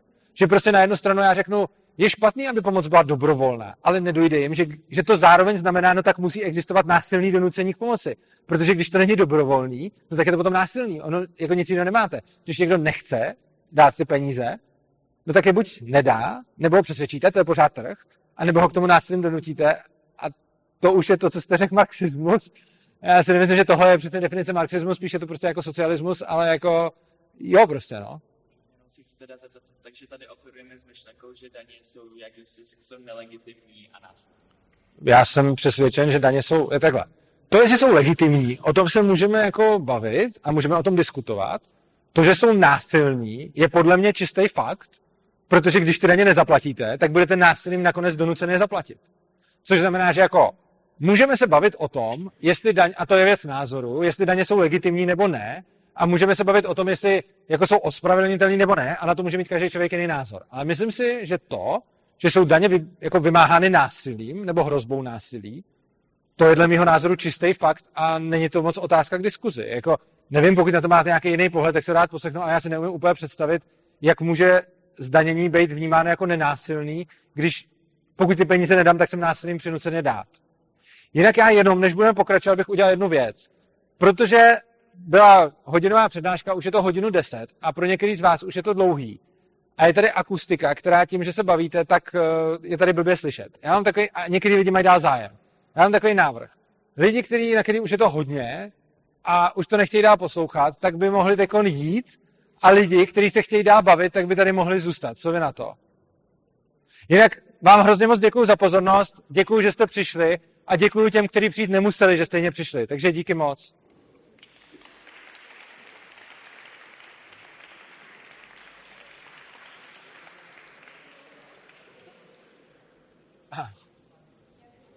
Tak lidi, co ještě chtějí chvilku diskutovat, tak tady zůstaňte, ještě trochu pokecáme a, a potom to ukončíme. Musí si vlastně to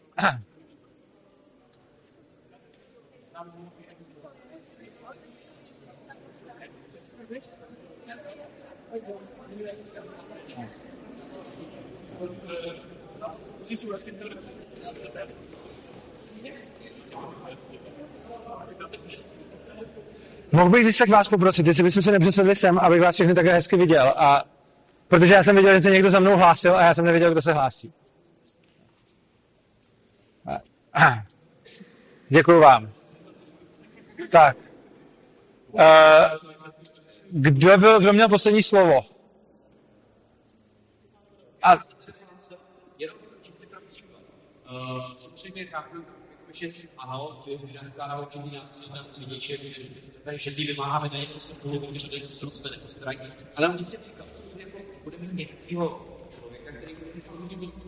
člověk, který postižený, velmi třeba IQ30, což znamená, že se nám po sebe nepostará, takže kdyby z toho nechal něčeho někde vidět, tak se možná tak prostě před hlavy, prostě vyšší. Ano.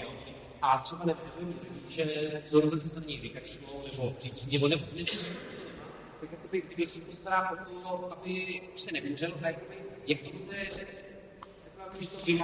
Dobře. Mám otázku.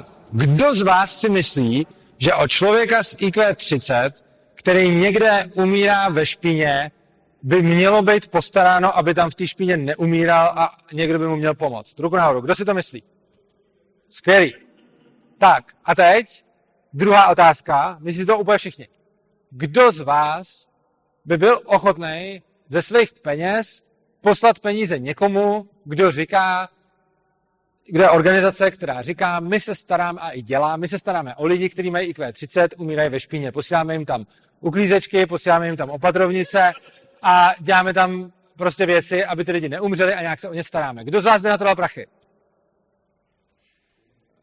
Taky všichni. Takže odpověď na to, kdo by se o ty lidi postaral, je vy všichni. Uh, chci tím říct, uh, tam, kde je doopravdy nějaká potřeba starat se a kde je to skutečně tak, že je zapotřebí těm lidem něco dávat, a takový případy určitě jsou, tak tam lidi rádi něco dají. Uh, skoro všichni na to rádi něco dají, protože to doopravdy zapotřebí. Ten problém je, že stát často prosadí nějaký svoje sociální programy s tím, že je to zapotřebí, ale potom se ty programy rozšíří na strašně moc lidí, na který to zapotřebí není.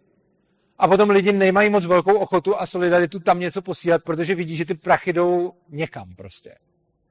A opět, tím, že stát nemá konkurenci, tak tuhle tu službu nemůže poskytovat dobře. Pokud byste měl charitativní organizaci, která by fungovala tak, že jí dáváte prachy a ona pak rozhazuje prachy úplně všem, úplně debilně a je to zneužitelný, tak jí lidi přestanou dávat ty prachy. Takže na to, abyste si udrželi ty zákazníky, i když jste charita, a tím na zákazníka myslím ty, co vás platí, a ne ty, kterým pomáháte, tak potřebujete dělat tu svoji práci dobře, což znamená, že fakt budete pomáhat lidem, co mají IQ 30 a někde umírají ve špíně, ale nebudete ty prachy rozdávat každému na potkání, což je víceméně to, co teď dělá stát. Ano. Já tady chci reagovat na Štěpánu. Prostě. Nebo že ty daně jsou procentuální, totiž bohatí, tím vlastně pomáhají všichni se tím mnohem víc, než vlastně ostatní. A co z toho plyne? Ty bohatí, aby víc pomáhali ostatním, a tudíž jakoby se snaží zrovnovážit ten celkový stát.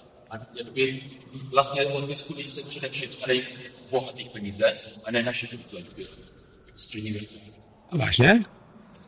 Trocha matematiky. A vezmete peníze od všech lidí a pak je nějak mezi ně zpátky rozdělíte. Něco takového. Kdo je nad průměrem, tak si pohorší. Kdo je průměr, tak zůstane na svém. A kdo je podprůměr, tak si polepší. Teď druhý příklad. Vezmete ty peníze, dáte je na hromadu a z nich část potřebuje ten, kdo ty peníze sebral, část potřebuje ten, kdo je přerozděluje, část se trochu vytuneluje, prostě část se někam ztratí a teď vezmete ten zbytek té hromady a zase to rozdělíte zpátky mezi, za část koupíte nějaký kraviny, který nikdo nechce a pak to zpátky rozdělíte mezi ty lidi. Najednou se stane, že nadprůměrný poškodíte, průměrný poškodíte, část podprůměrných poškodíte a ano, části podprůměrných pomůžete. Což znamená, že představa, že ty bohatý platí chudým a těch průměrných se to netýká, a těch průměrných se to netýká, není pravdivá, protože nadprůměrný, průměrný, část podprůměrných, tak ty všichni pomáhají zbytku podprůměrných. Těma přímýma hned, těma přímýma asignacema, jenomže ty podprůměrný úplně dole, ty nekvalifikovaný a tak, jsou zase z druhé strany buzerovaný těma státníma uh, legislativníma omezeníma, což znamená, že máte systém, který dělá to, že zejména ty nejchudší strašně moc likviduje a hází jim klacky pod nohy v tom, aby se o sebe postarali a pak nutí celou širokou škálu lidí, aby jim platilo. Což není podle mě vůbec efektivní a už vůbec ne eticky ospravedlnitelný a tady byl dotaz a potom se k tomu můžeme zpátky vrátit. Jenom, vy jste jako řekl nakoupit spoustu zbytečných věcí a řekl jste jako hodně všeobecně nějaké věci, co vy máte zpracované myšlenky. Já to nezníte, ale já jsem si to popsal, co že Jo. Jo, tak tím myslím to, že když se ty peníze vybírají, ten proces toho výběru těch peněz samozřejmě něco stojí. A teď nemyslím jenom jako nějaký tunelování a nějaký jako dark side věci. Prostě myslím tím to, že ty úředníci, co to dělají, berou svoje platy a to prostě stojí strašně peněz. Celý ten proces toho přerozdělování je strašně drahý. Ale potom hlavně ještě, ono, jedna věc je vzít lidem peníze a druhá věc je potom jim za ty peníze něco dát. To je prostě, je podobný, jako když se říká Evropská unie, že jsme teda jako čistí příjemci. Což znamená, že sem jde jako víc peněz do České republiky z EU, než z České republiky do EU. Což je i pravda, akorát, že problém je v tom, že z České republiky do EU jdou čistý peníze a z EU sem jdou peníze vázané na nějaký věci. Jo, třeba, že vám tady postaví rozhlednu, nebo vidíte všude takový ty financováno z peněz EU, že jo. A tohleto jeden můj kolega libertarián popsal hrozně hezkým způsobem. Jako, co lidem vadí na Evropské unii? No, mám 30 korun a chci si za ně koupit chleba. Evropská unie jde, vezmeme těch 30 korun a dá mi kafe zapadek, který ani nechci. A to je přesně ten princip. A pak mi řekne, jsem čistým příjemcem. Vzal mi 30 korun a dostal jsem něco za 50. Jako ono jo, ale to je přesně ten problém, že prostě těm lidem vezmete peníze v jejich jako čisté formě, ze kterých si můžou koupit cokoliv, a potom jim za dáváte nějaké věci, a už z principu jim za to dáváte přesně ty věci, které oni by si za ty peníze jako hlavně většinou nekoupili, Protože pokud máte nějakou službu, která se dokáže uživit, což znamená, lidi tomu platí peníze a ně- něco za to dostávají a dělají to dobrovolně, no tak takovouhle službu, tak ta se uživí na trhu, že jo? Ale když to musí financovat stát, tak to je o tom, že berou lidem peníze a dávají jim za to věci, které oni by si jinak za ty peníze nekoupili. Protože kdyby koupili, tak není potřeba jak tomu nutit, ale dělají to i dobrovolně. Teďkon, já to zkusím říct, tady byl myslím první. Já jsem ještě chci vrátit k tomu, že, si, že jste říkal, že, to, že ty peníze vlastně tím pokládáte těch nejvěrnější. Jenomže když vezmu, já neznám ty čísla třeba přes celou republiku, ale globálně vlastně 80 lidí, teda na většinu bohatství světa. Což znamená, že kdyby se teda globálně vzali peníze prostě všem a potom by se přerozdělili, tak i když teda něco způsobilo k tomu jako víc, stejně i lidi na tom vydělali. No, uh, tohle je třeba věc, která, by mě, eh, která je docela zajímavá v tom, že pokud berete to bohatství a chudobu celosvětově, tak tam jsem ještě schopný pochopit, byť ne souhlasit s etickým principem, vezmeme peníze těm nejbohatším a dáme je teda všem a uděláme jako celosvětovou rovnost. Já s tím nesouhlasím, ale chápal bych, odkud se tyhle ty myšlenky tak nějak berou. Jo? Protože prostě má někdo pocit, že když někde, někdo je jako fakt chudej, tak ty bohatší by mu měli něco dát. Jenomže o to, co se tady jako řek, se tady vůbec jakoby na politické scéně nebo jinde nehraje. Prostě hraje se na to, že chudý člověk je ten, který je chudý v České republice, což je stejně člověk, který patří mezi top 10% nejbohatších lidí na světě. Všichni, co tady jsme prostě. Věci, které máte po kapsách, věci, které máte na sobě, budou dražší než celý majetek prostě půlky Indů někde jako v křoví prostě. A to já to nemyslím nějak jako zlé prostě, jenom ty lidi žijou v hrozných podmínkách a my si tady žijeme skvěle.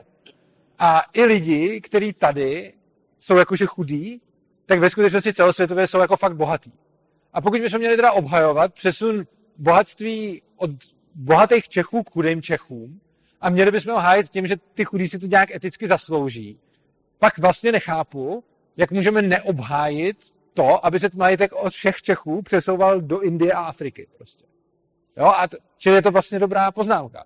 Jakože já nesouhlasím s tím přesouváním ani v rámci České republiky, ani celosvětově, ale pokud vycházíme z nějakého etického kodexu, na základě kterého dojdeme k tomu, že musíme vzít bohatství bohatých a dát to chudým, no tak na základě toho samého etického kodexu bychom měli vzít bohatství nás všech a poslat ho prostě někam do Afriky, protože jsou tam chudí. Že?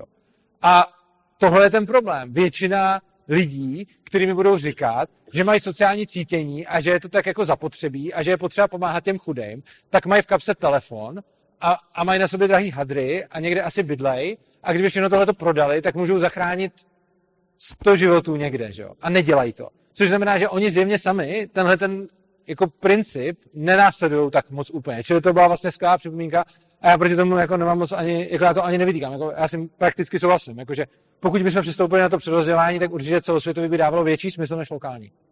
Ano. Super. Ano. Dotáhl až jako do takového extrému, že by to prostě, my jsme následujeme našeho bohatým světa, prostě všechno je to jo, To není extrém, to, to děláme, to je naše současná realita. že, jakože, myslím, to úplně tak, jakože bychom měli všechno, eh, prostě, Já jsem neřekl všechno. no. Ale to násilí je důležitý. A ještě, teda, samozřejmě, jakože já bych chtěla prostě o tady ty lidi postarat, kdyby třeba byl ochotný jim dát nějaký peníze a tak. Super. A to je jenom prostě za určitých jakože okolností, jo. kdyby třeba mi jakože jsem o tom nebyl moc jakože ještě finančně, Mhm. mm-hmm. tak bych asi se staral nejdřív sám o sebe. Což je dobře. Ale ono je to dobře, ono je dobře, že když na tom nejste dobře finančně, že se napřed postaráte o sebe. Tohle je prostě pravidlo číslo jedna i všech, který někomu pomáhají i profesionálně. Prostě napřed se ten člověk musí postarat sám o sebe, aby se potom mohl starat o druhý. Takže ono není moc dobrý, aby někdo, kdo sám nemá moc peněz a kdo sám třeba rozjíždí firmu, byl teď zrovna zatížený daněma. Ono je v pohodě, když už ta firma potom jede, tak potom může dobře pomoct. Ale pokud budete ty lidi hned každou tu dobu odírat o jejich peníze, tak potom kolikrát se vám stane přesně to, že jako spousta lidí pokusí se uspět, někteří uspějou, někteří ne, ale spousta z nich neuspěje proto, že byla nějak moc zdaněná, že? Protože už teď jako odvádíte státu dvě třetiny z toho, co vyděláte. Takže spousta lidí neuspěje a skončí nakonec v nějaký třeba dluhový pasti nebo blbý situaci právě proto, že byli moc zdaněný. Takže to, co říkáte, je jako by skvělý. Ano, kdybyste byli ve špatné finanční situaci, tak pomáháte sobě a nebudete posílat peníze na charitu. A ono je to dobře, protože kdybyste posílali peníze na charitu, i když sám skoro nemáte, tak můžete za chvíli tu charitu, charitu zatížit sám sebou a tím, že z vás se stane ta přítěž a vy budete muset být ten, kdo dostává peníze od ostatních. Takže tohle, co jste řekl, je jakoby sobecký, ale ono je to dobrý. Protože ono je super, aby když vy sám na tom nejste dobře, jste se staral o sebe, aby se o vás nemusel za chvíli starat někdo jiný. máte pravdu, ale jakože já, já už vím ten, ten základní problém. Základní Ano. problém je ten, že já prostě nevěřím lidi na to, takže prostě by všichni jakože chtěli um, tak prostě pomoct. Já si myslím, že to tak není. Jako tady se všichni přihlásili, a to je jenom tak. Tak přitom to je všude jinde. Tady se přihlásili jenom na to, tomu, aby prostě vypadali dobře. Samozřejmě, máte pravdu. To je skvělý. Máte pravdu. Já udělám, to, to je pravda. Za prvý, já vůbec netvrdím, že by všichni lidi pomáhali. A já ani netvrdím, že to zapotřebí. Já si myslím, že teď pomá- pomáhají jako v zásadě všichni, ale proto, že uměle vytvořený velký počet lidí, kterým je potřeba pomáhat. V momentě, kdyby tenhle ten uměle vytvořený počet lidí byl zmenšený a bylo jich méně těm, kterým je potřeba pomáhat, tak potom už není potřeba, aby pomáhali všichni. Bude stačit, když bude pomáhat část a bude to stačit. A řekl jste skvělou věc, že tady se určitě lidi uh, přihlásili proto, aby vypadali dobře, a že by určitě třeba všichni nepomáhali, a to je asi pravda, protože se můžu zeptat, kdo teď z vás pomáhá nějakým jako chudým lidem? Zvedněte ruku. OK, tak, tak menšina. Jo. Takže máte pravdu, že vlastně, jako když jsem řekl, že kdo by pomáhal, tak všichni, a když se tam kdo pomáhá, tak menšina. A máte pravdu. Ale i tak, ta menšina by podle mě mohla bohatě stačit na to, aby se pomáhalo těm lidem, kterým je potřeba pomoct, protože ono jich potom bude výrazně méně těm, kterým je třeba pomoct. Ten jejich počet je uměle navýšený už tím, že přesně jak jste řekl, vy jste říkal, když já na tom nebudu finančně moc dobře, tak se rozhodnu radši nikomu nepomáhat. A tohleto rozhodnutí může jako nakonec rezultovat v to, že uživíte svoji rodinu a nebudete na nikom vyset. A tohle rozhodnutí udělá spousta lidí, což znamená, že ten počet těch, kterým se musí pomáhat, nebude navýšený minimálně o tyhle ty lidi, kteří vlastně skončili špatně jenom proto, že byli nucený být solidární. Vlastně se tady spíš jako opakuje to míření. Ale, ale prostě eh, ještě tam co jste řekl předtím, takže vlastně rozdělíme peníze lidem, kteří jsou v Česku a ty jsou oproti eh, jakože okolnímu světu bohatí. No. Ano. Tak ale v každé země jsou prostě jiný minimální nároky na to, aby ten člověk mohl žít. To je pravda.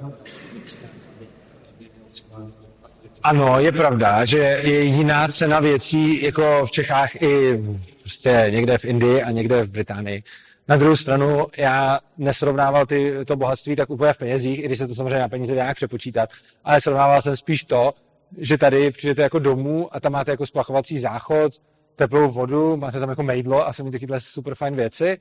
A když takhle přijde někde někdo domů prostě jako na nějakém indickém venkově, tak tam tyhle ty fajn věci nemá. Takže já jsem spíš myslel tohle bohatství, než jako, eh, jako nějaký přepočet na dolary, i když na tom samozřejmě taky záleží.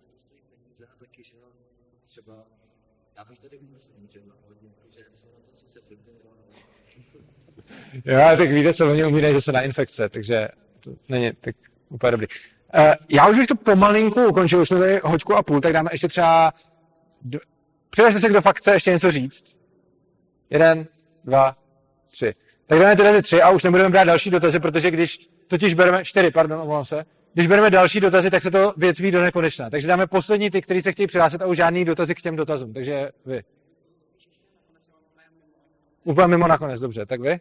tak moje teda první otázka, mám dotaz, který bych taky to za první teda všechno, co vlastně říkáte, s tím souhlasím víceméně, ale spíš mi to vede když se reformě státu, než změně prostě režimu. Uh, no, pokud souhlasíte s tím, co říkám, tak potom byste měl teda teoreticky souhlasit s tím, že nemá být monopol nikde. Já naopak bych to globální monopol na ze všech ohledech. Kdyby bych tak chtěl globální superstát nad stát, nad národní. By to bylo nejvíc férový, No, teoreticky by to možná mohlo být nejvíc férový, ale ten problém je v tom, že ono potom jako to tak nedopadne. Protože když už vidíte ty... Podívejte se na to, jak je možné kontrolovat třeba komunální politiky. Nějak ano. A zejména v malých městech si komunální politiky docela zkontrolují. Ve větších městech už je to horší, A kontrola potom jakoby ještě politiků, jako, který už nejsou na komunálu, ale ještě vejš, je jakoby ještě složitější. A kontrola momentálně třeba politiků v Evropském parlamentu je ještě úplně složitější. Jo. Takže jako prostě vy jako běžný občan, tam třeba říkal pan kolega, že je z malého města, tak ten si určitě dokáže snadno zkontrolovat svoje zastupitele na malém městě, když bude chtít, protože je vás tam pár, protože je možná i znáte a protože víte, co je to za lidi a dokonce jste se s nimi třeba bavil. To je jako super. Takže na ně máte docela dobrý dohled. Eh, Dohled na tady jako primátora Českých Budějovic asi úplně nemáte a dohled na poslance v parlamentu už vůbec a v Evropském parlamentu dost možná ani nevíte, kdo sedí. Nechci vám jako křivdit, ale možná. A tenhle ten případ je přesně ten důvod, proč by podle mě jakoby nějaká globální celosvětová celovláda měla tenhle ten problém, že jakoby čím víc je ta centralizace, tím jsou vzdálenější potřeby těch občanů od těch potřeb toho superstátu. A vemte si, že vy byste potom musel řešit nějaký jako globální problém, jakože jak budete řešit na úrovni jako globálního celosvětové politiky problémy stejně pro jako Američany, Evropany a Číňany. To jsou prostě jako jiný lidi. z- No a tím už se potom zase dostáváte zpátky k národním státům. No. A tak to už dneska máte OSN, že jo? A to je teda hrozný, no. Ale je to dobře, ale je to teda nestabilní, ale oproti tomu je tady to... Já jsem neřekl, že to je nestabilní. Ono by to naopak stabilní bylo, podle mě. Ono by se to... Já si myslím, že stabilní ono by to bylo. Ale uh, bylo by to strašně neefektivní. Prostě obecně čím centrálnější to je, tím je to méně efektivní, což znamená, že já si nemyslím, že by to bylo nestabilní a že kdyby někdo nastolil jako světovládu, že by si ji jako neudržel. On by si ji asi udržel docela jako silou. Ale myslím si, že potom by to bylo absolutně nereformovatelný. A vy sám jste říkal prostě jako reforma státu. Čím menší je stát, tím větší je šance, že ho zreformujete. Jako Evropská unie už je v podstatě nereformovatelná a kdyby to bylo ještě level tak to už je úplně nereformovatelný prostě. Tak, uh, já jsem říkal, no dobře, druhý dotaz. Ano. To je to, o čem jsem říkal, že bych tady musel mluvit půl hodiny, a nebo díl. A jak říkám, pokud vás tohle zajímá, mrkněte na kanál Svobodného přístavu, tam najdete videa z mých přednášek, eh, jako jak ve školách besed, tak i přednášek o něčem, jakože na nějakém tématu. A najdete tam přednášku o policentrickém právu, najdete tam přednášku o policii, o soudnictví. A je to třeba dvouhodinová přednáška, kde řeším jenom jako třeba legislativu. Takových je tam, jako takových videí je tam hodně, takže se to tam můžete najít. A jakoby bohužel vám na tohle, jako, je to skvělý dotaz, já, jako, je to asi ten nejlepší dotaz, jaký můžete položit, a jeho odpověď bych tady teď musel sedět jako hodinu ještě. Jo, jo, o tom píšu vlastně, takže se můžete podívat na ankap.urza.cz a tam o tom píšu textově. Tak, uh, tam byl dotaz, ano? založím si firmu. Ano. Dneska v našem státem si založíte firmu, jo. Že se těma všema Ano. Postavím se v nějaké průmyslové zóně, je to, který vede rozbitá cesta. Ano. Ale takže v tomto případě já potřebuju stát, aby mi postavil obranou do silnice. Nebo nějakým způsobem. To záleží, čím ta silnice je, vy můžete mít i soukromou cestu, že jo. Vy, vy můžete mít, takže třeba spousta developerů dneska, když staví třeba celý, jako nějakou, já ne, obla, jakože, máte developera, který staví prostě jako řadu domů, tak tam i třeba postaví cesty k tomu. Takže jakoby stát není monopol na stavění cest a kdokoliv si může postavit cestu, soukromou cestu, když chce, a takový cesty jako už normálně stojí. Takže jako nepotřebujete stát, aby vám postavil cestu, vy si ji můžete postavit sám. Samozřejmě, když je to státní cesta, která je rozbitá, no, tak musíte nějak apelovat na ten stát, aby ji opravil. No. A jako můžete si samozřejmě sám postavit cestu. Tak, uh, už mi říkali, že nebude... Jo, vy jste chtěla dotaz, nebo? Ne. A někdo nás to ukazoval. Jo, vy jste chtěl dotaz, ano. Co si myslíte o názoru o pohyblivých daních, že by ty bohatší dávali jako daleko vyšší daně, než třeba ty chudí, který by nedávali? Progresivní daň. Uh, progresivní daň mi nepřipadá jako dobrý nápad a mimo jiné, už teď to tak funguje, jakože my říkáme, že máme jakoby rovnou daň. Ale rovná daň znamená, že platíme stejný procento. A ono to není jako moc rovný prostě.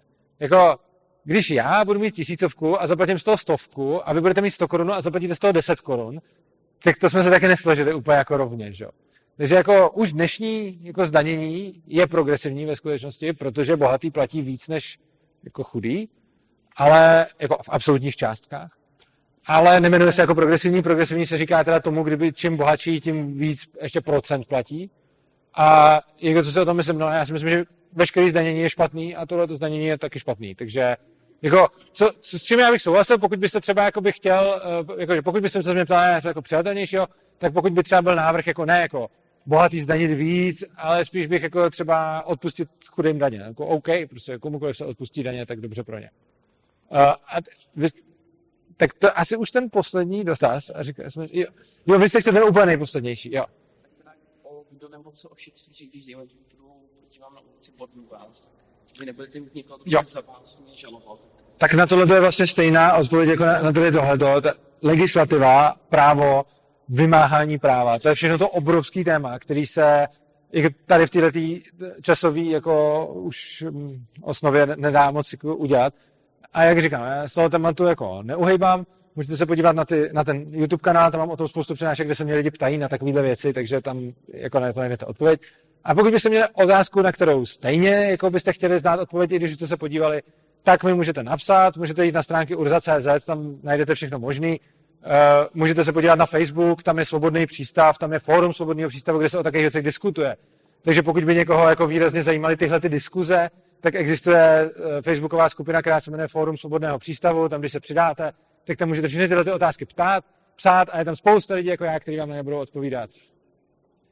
Tak jo, tak já vám moc děkuji za pozornost. Děkuji zejména, že jste přišli a že jste tady zůstali ještě o tolik díl. Jsem fakt rád, že vás to zajímá. A doufám, že třeba se podíváte na ten net, že se podíváte na ty urza.cz stránky nebo na ty facebookové skupiny a rozhodně s tím, co říkám, nemusíte úplně souhlasit, ale i pokud se na to prostě podíváte a nějak nad tím budete přemýšlet, tak je to, tak je to fajn, protože i to je dobrý. Takže vám děkuji moc a mějte se krásně.